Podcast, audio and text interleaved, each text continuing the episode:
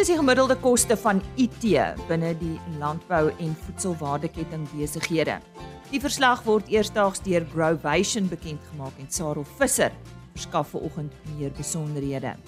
Die bondbosluis kan groot ekonomiese verliese vir veeboere veroorsaak en ons hoor by Dr Louis Bouk van die Lankou Dieregesondheid hoe kan die probleem aangespreek word. En dan gesels ons ook met Andrei Brink van Groot Versante Kraal daar by Durban wil. Hy is ook een van die graanprodusent van die jaar finaliste. Dis in volgens sy RSG landbou hartlik welkom. Waarom is dit belangrik vir 'n landbou en voedselwaardeketting besigheid om hulle besigheid se IT-beleggings en strategie te meet? Dis waaroor ons vandag gesels met Sarel Visser van Growvation. Sarel, net eers, wie is Growvation en en presies wat doen julle? Goeiemôre en dankie. Dit is lekker om op die program te wees. So Growvation is 'n gespesialiseerde ehm um, konsultasiepraktyk. Ons fokus op die landbou en voedselwaardeketting besighede en ons help hulle om IT-strategieë te ontwikkel wat hulle besigheidsstrategie ondersteun en dan help ons hulle ook om hierdie strategieë te implementeer en tot uitvoering te bring. So ons is baie gefokus net op die landbou en voedselwaardeketting besighede en alles gaan rondom tegnologie en en hoe ons tegnologie in die in hierdie besighede gebruik om sukses te bereik. Sarah, julle bied eersdaags die Ag and Food IT benchmark aan. Uh hoekom is dit belangrik? Vertel vir ons. Ja, so die 28ste Oktober is ons aanlyn ehm um, geleentheid waar ons die resultate van die 2022 ehm um, benchmark bekendstel. En uh dis 'n studie wat ons doen om te bepaal wat is die gemiddelde kostes van IT binne in die landbou en voedselwaardeketting besighede? Wat is die strategieë wat uh in in werking gestel word? Asook hoeveel betaal ons ons mense wat in IT werk of die kontrakteurs wat daar werk? Ons kyk ook uh na die tipe tegnologieë wat die industrie heidaglik ehm um, gebruik en ons kyk ook na neigings binne in die industrie en binne in die tegnologie uh industrie om te sien wat van waarde kan wees vir die landbou en voedselwaardeketting besighede. So wat sien ons uit die data sover wat ons met die luisteraars kan deel sonder om om nou alles weg te gee? So ek dink een van die van die groeiende neigings uh, wat ons maar net sien uh en dis nie eintlik heeltemal nuut nie, maar dit dit word al sterker en dit is dat uh daar nie meer uh kom ons gebruik die Engels one size fits all benadering tot tegnologie toegepas word in die landbou nie. Uh daar's hoeveel ehm um, gespesialiseerde tegnologie daar buite en ek dink die uitdaging tans is om al hierdie verskillende tegnologieë wat so gespesialiseerd is te laat saamwerk ehm um, om die besigheid vorentoe te vat. Ek sien wel dat eh uh, die een neiging wat ons sien is dat die kostes van IT al groter en groter raak. Uh, en ek ek vermoed dat in die volgende 10 jaar gaan ons seker sien dat IT ehm um, kostes een van die grootste items op die inkomste staat gaan wees en nie meer net 'n ou klein uitgawetjie wat hier in die agterste speen suig nie. Wat beplan julle in die toekoms vir die IT benchmark? Dis ons uh die belangrike verandering wat ons gaan aanbring is ons het nou vir 3 jaar ons het gedoen as 'n algehele studie uh wat uh ons self gedryf het en gefinansier het. Ons het baie geleer in hierdie afgelope 3 jaar. Van volgende jaar af gaan ons dit 'n bietjie anders te aanbied en wat ons wil doen is ons wil dit dan eerder saam met 'n maatskappy doen. So as 'n landboumaatskappy sê ek wil ehm um, my kostes pyl of ek wil my strategie pyl, gaan ons dan saam met hulle werk en hulle gaan ons help om te kies met wie moet ons pyl Ehm um, so dit gaan nie net 'n algehele uitnodiging aan die aan die kom ons sê die hele landbou sektor en voedselwaardeketting sektor wees nie. Ons gaan met sê ek is 'n koöperasie of ek is 'n 'n sekondêre maatskappy, 'n landboumaatskappy en ek wil my kom ons noem dit maar my kleinhandel en groothandelkant wil ek ehm um, benchmark of pyl.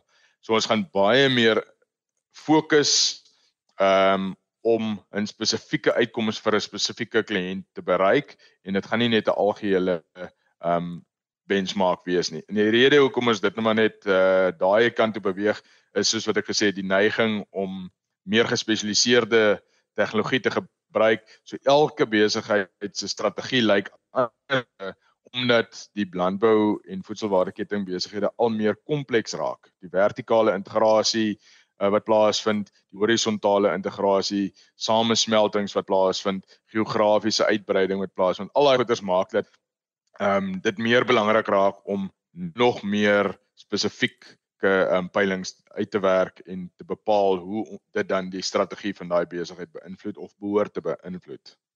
So waar kan mense hierdie IT benchmark verslag in die hande kry en en wanneer sal die resultate vrygestel word?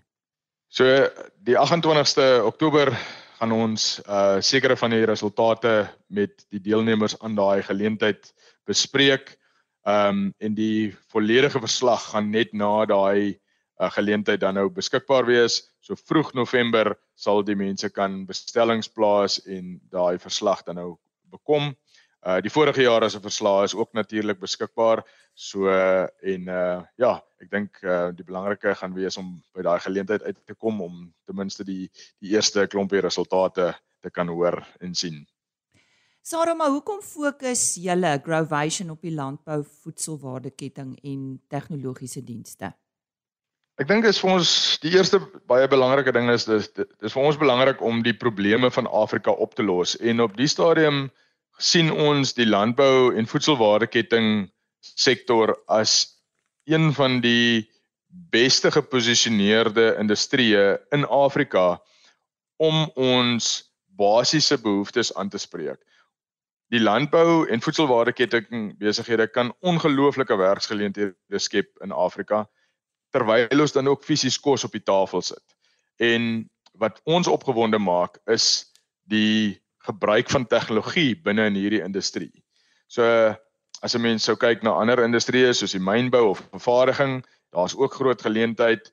Ehm um, maar dit voel vir ons dat die die grootste geleentheid in Afrika lê in hierdie voedsel ehm um, produksie en voedselverwerkingswaardeketting. Daar's dis 'n dis 'n lekker lang waardeketting. Daar's 'n uh, vertikale integrasie en tegnologie kan 'n ongelooflike groot rol speel in daai sektor sowel as in die volhoubaarheid van daai besighede. En dit maak ons opgewonde en dis hoekom ons daar werk. Vir meer inligting of om hierdie verslae te bekom, kontak gerus vir Growvision by www.growvision.com kyk net uh, daar is hulle kontakbesonderhede gelys. Www.growvision.com en ek het vandag gesels met Sarel Visser.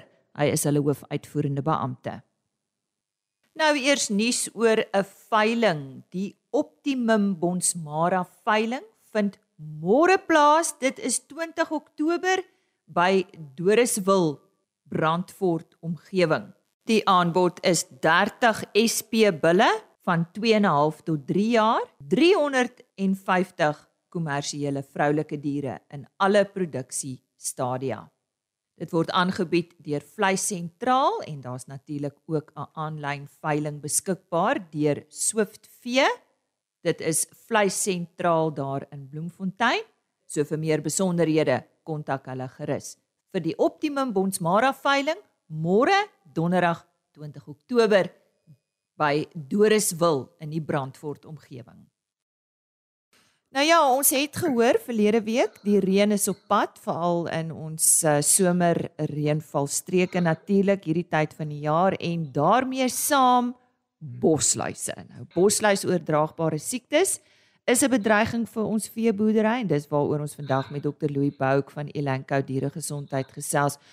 Eh, Louis Moore, watter bedreiging dra bosluise tot 'n veeboer se boerdery? Goeiemôre Lize. Nou nou bosluise hou verskeie bedreigings in, soos om draers van siektes en toksines te wees. Dit kan bloedarmoede veroorsaak en dan selfs ook die velle of huide beskadig. En terwyl hulle ook siektes na die mens toe kan oordra, so daar is siektes wat oorgedra kan word van bosluise as mens nou dink tipies bosluiskoors.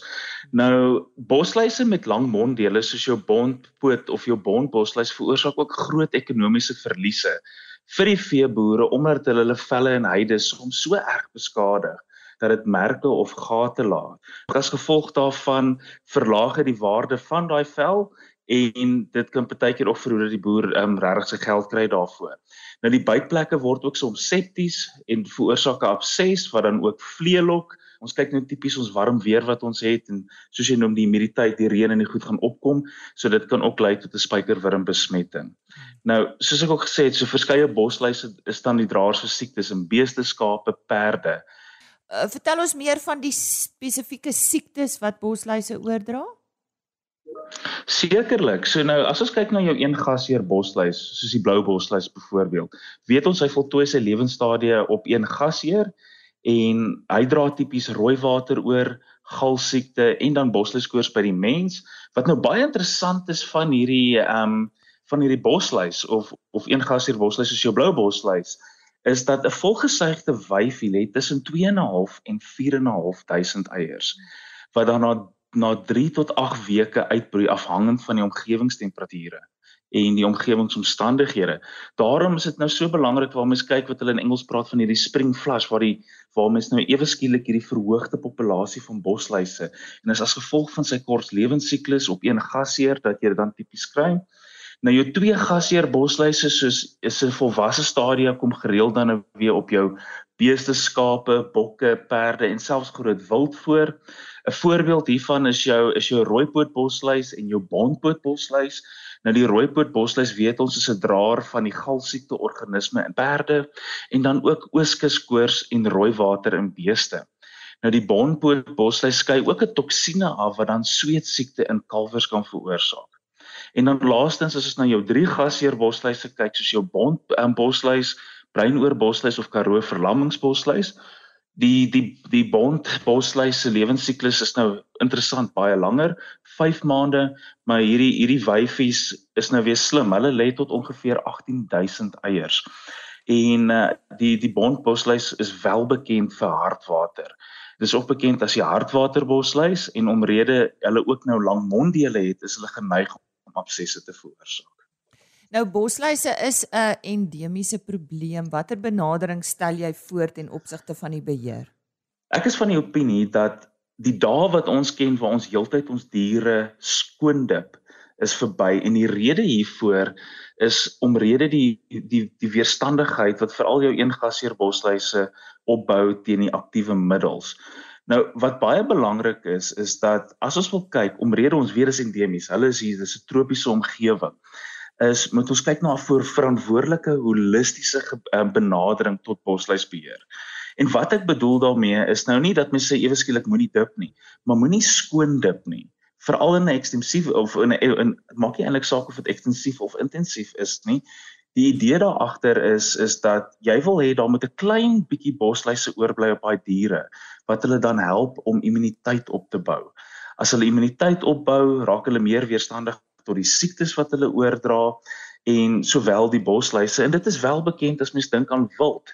Ehm um, en en hoekom wild so floreer is omdat hulle daai endemiese ehm um, ehm um, um, weerstandigheid het in hulle en of of weerstandigheid opgebou het. En dit is nou dis baie belangrik en ons moet daarna kyk omrede ehm um, soos ek gesê het ons groot probleem is maar blou bosluis reg deur die land. Daar's gedeeltes in die land soos byvoorbeeld in die Oos-Kaap veral waar ehm um, omtrent geen van die aktiewe middels op die bosluise werk nie. En dit is dit is regtig problematies in daai opsig. Veral vir daai boere en veral om soos ek sê blou bosluis geken is vir galsiekte vir rooi water. En as jy nou dink aan jou Asiatiese rooi water wat nou eintlik die groot sonnebok is wat vinnige siektes en vinnige vrektes veroorsaak. Louis, vir meer inligting, waar kan ons luisteraars aanklop?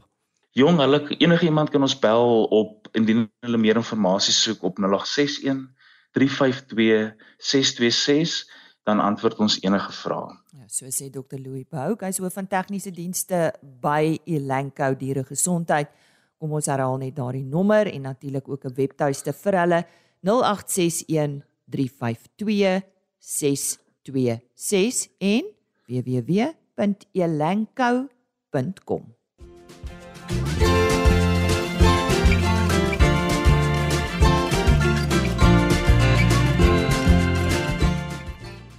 Drie produsente Ding vanjaar mee vir die titel as die 2022 graanprodusent van die jaar. Die wenner word eerskomende Vrydag aand 21 Oktober in Johannesburg aangewys. Ek het maandagooggend met JP Mentjies van Viljoenskroon gesels. Gisteroggend met Gideon Koegelingberg van Makwasi en vanoggend Andrei Brink. Hy is daar van Groot Versantekraal in die Durban wil omgewing. Môre Andrei, kortliks iets oor die plaas, julle ryke geskiedenis, die familie en hoe jy daar begin boer het. Lisa, goeiemôre. Groot Versantekraal is geleë net buitekant Durbanville, so 35 km van Kaapstad. Die plaas was uitgegee in 1698 deur Simon van der Stel. Die plaas was nog net in drie families gewees. Broerberg was die eerste eienaar gewees wat sowat 100 jaar daar geboer het.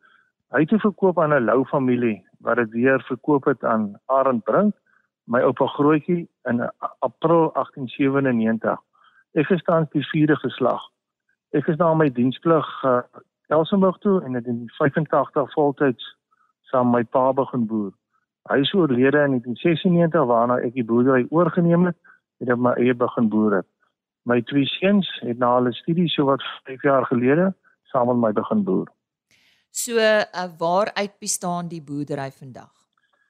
Dis 'n tipiese gemengde boerdery wat bestaan uit die verbouing van graan, vee en wyndrywe. Die plaas Grootvie Santekraal vorm die basis van ons onderneming waar ons kantore en werkswinkel is. Van hier bestuur en boer ons die ander plase wat ons hoofsaaklik met graan en vee boer. Ons boer op tot 4000 hektaar wat bestaan uit eie grond en huurgronde. Ons plant koring, gars, canola en haver. Ons boer ook met Johnny Merino skape wat ons vir twee keer 'n jaar skeer, gewoonlik die eerste week in Februarie en eerste week in Augustus. Ons lam dan in Mei en die lamme word in September tot November bemark. Ons stoek herre vir beeste wat speenkalvers produseer in ons in November bemark. Ons het onlangs 'n pilaanleg op een van ons plase opgerig om ons eie pille te maak vir skape en steenkalvers. Ons het wil ons eie grondstowwe soos gars en medicway gebruik om pille mee te maak. Indien daar graan is wat swak gradeer, kan ons benut deur dit in ons pulrantsoene te gebruik. Op Groot Hosandekraal word ek met wyndrywe geboer Ons te keller wat ook so kwart van ons drywe verwerk en gebotteleer word onder die handelsmerk van Groot Visante Kraal. Op die plaas is ons ook 'n restaurant, 'n proelokaal waar wyn aan die publiek verkoop word. Andrei, terwille van hierdie gesprek gaan ons nou maar op die saai vertakking fokus. Julle boer in 'n koring medics stelsel. Wat behels dit? Ja, ek was baie gelukkig saam met 'n pa te boer wat baie lief was vir aangeplante weidings en diere. Die sukses wat ons later behaal het met Medix was as gevolg van grasdoders wat ons in die Medigaard kon gebruik. Voordat ons met koringplanters geplant het en voor die koms van onkruiddoders wat ons kan gebruik as vooropkoms onkruiddoders, het die grasse beheer in die in die Medix baie in ons koring gehelp. Ons probeer al ons lande met Medix vestig. Dis hoofsaaklik om onkruid te beheer, maar ook die, om grond te verbeter deur die Medix wat natuurlike stikstof aan die grond bring en natuurlik ook vir ons kos vir ons diere te voorsien. Ons stelsel het in die verlede altyd gewerk uh 50% geplant en 50% in 'n rusfase van die medies. Die lande met die medies dus vir die vee benut of ons het dit gebaal hang af hang, hang af van die jaar af. Met die verbetering van gronde en die hoër graanpryse het ons stadig beweeg na 'n stelsel wat ons 2/3 plant en 'n derde medies uh, gebruik ons bring canola aan die stelsel in. Die canola plant ons na die koringjaar en die onkruiddode wat ons in daai jaar in die canola gebruik, maak ons nie die medics dood nie, sodat daar voldoende saad vir ons vir die volgende jaar se saadbank. So ons tipiese stelsel is 'n as ek net 6 jaar kan gebruik, is 'n koring opgevolg met medics, koring, canola, koring en medics. Dis het ons 'n 6 jaar siklus wat ons 4 jaar grane gebruik en 2 jaar medies gebruik. Net terloops, die gars beskou ons as koring in die stelsel. Maar word geplant op gronde waar koring se geskiedenis van laer opbrengs en swak gradering is. So ons gebruik gars in daai plek. Uh Andre, watter bewerkingspraktyke pas julle toe? Ons probeer 'n minimum bewerking stelsel toepas wat behels 'n een rigting bewerking met 'n implement wat ons uh 'n tandplanter het met kouters op om een keer deur die land te gaan in in dis 'n bewerking. Maar ons soek 'n stelsel om te evalueer of ons kampe voldoen aan die vereiste om aan 'n minimum bewerkingsstelsel te voldoen. As so kamp nie daaraan voldoen nie, dan moet ons 'n regstelling doen. Nou, wat ons gewoonlik doen is ons vat grondonledings, ons kyk of daar fisiese beperkings is en ons stel dit reg. Ons maak baie gebruik van oorvoerdreinering om vir om versuipkolle te voorkom. En dan word chemiese regstellings gedoen volgens grondmonsters. Dit sal tipies wees soos kalk, gips en fosfaat.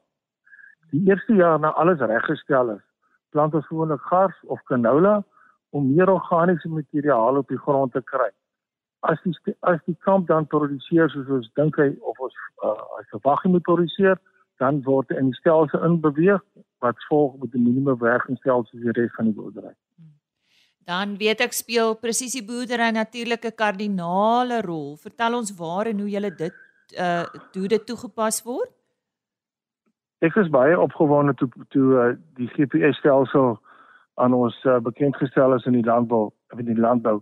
Presisie boerdery speel 'n baie belangrike rol by ons die optimale benutting van ons implemente se wytes en plasing van ons produk met GPS toerusting word tot in die fynste detail bestuur. Ons gebruik opbrengstate van ons stroopers, presisie grondmonsters, sogenaamde grid sampling gebruik ons. Ons gebruik satellietbeelde tydens die groeiseisoen en dan skryf ons ons eie toedieningskaarte. Ons belê in hoë tegnologie spuite en strooiers Hierdie kunsmis en chemie van ons dierse koste items wat toegedien moet word. So ons toerusting sorg ons dat dit die beste op die mark beskikbaar is. Die eerste van ons trekkers en stroopers is ook toegerus met remotely beheerbare uh, instrumente wat jy van afstand kan beheer om die verstellings te kan doen en hulle vermoë te kan uh, reguleer. Hierdie word doeltreffend en produksie vermoë altyd verhoog. Andre het ook nou so na jou luister. Um jy het 'n groot besigheid. Finansiële bestuur en rekordhouding is verseker deel van julle sukses, is ek reg?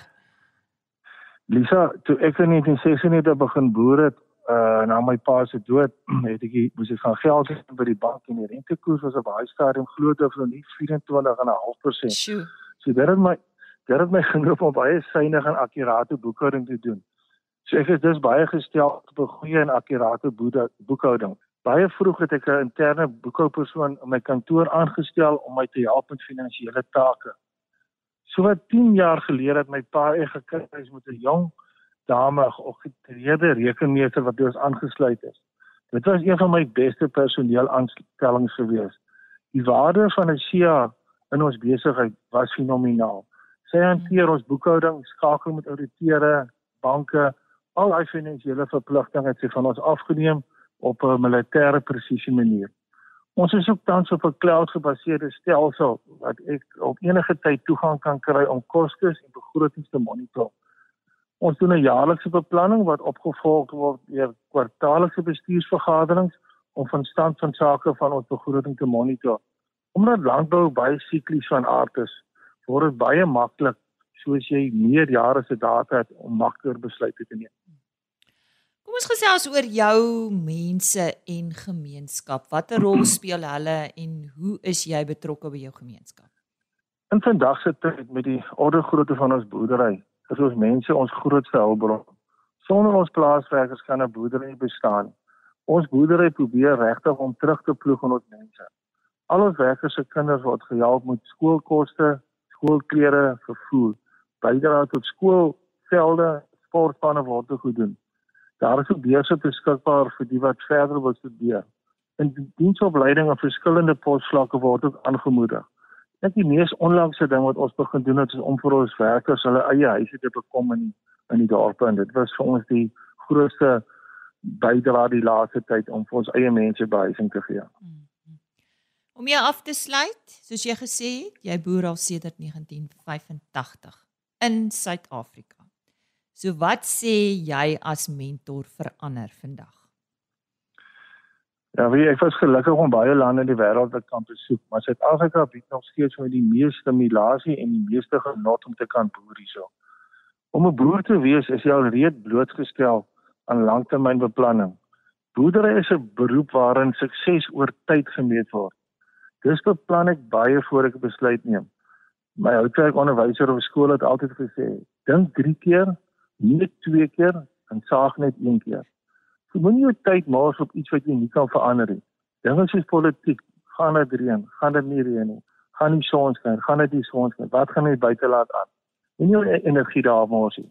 Belangrik is bepaal waar die meeste verandering kan aanbring met die minste moeite. Wyse woorde vanaf Andrei Brink. En hy is van Groot Versante Kraal daar in die Durbanville omgewing. Dis dan vandag se RC Landbou. Ons kontak besonderhede en webtuiste voor ek groet. My e-posadres rsglandbou@plaasmedia.co.za. rsglandbou@plaasmedia.co.za. Die volledige program op rsg.co.za as potgooi beskikbaar. Alternatiefelik agriorbit.com. Al ons onderhoude word daar gelaai. Besoek gerus daardie webtuiste ook vir ander landboulies. www.agriorbit.com. Onthou môre weer nuus met Johan van der Berg, maar daar's nog ander landbou nuus. Ek sien uit om weer saam met jou te kuier. Totsiens. RSG Landbou is 'n plaas media produksie met regisseur en aanbieder Lize Roberts en tegniese ondersteuning deur Jolande Rooi.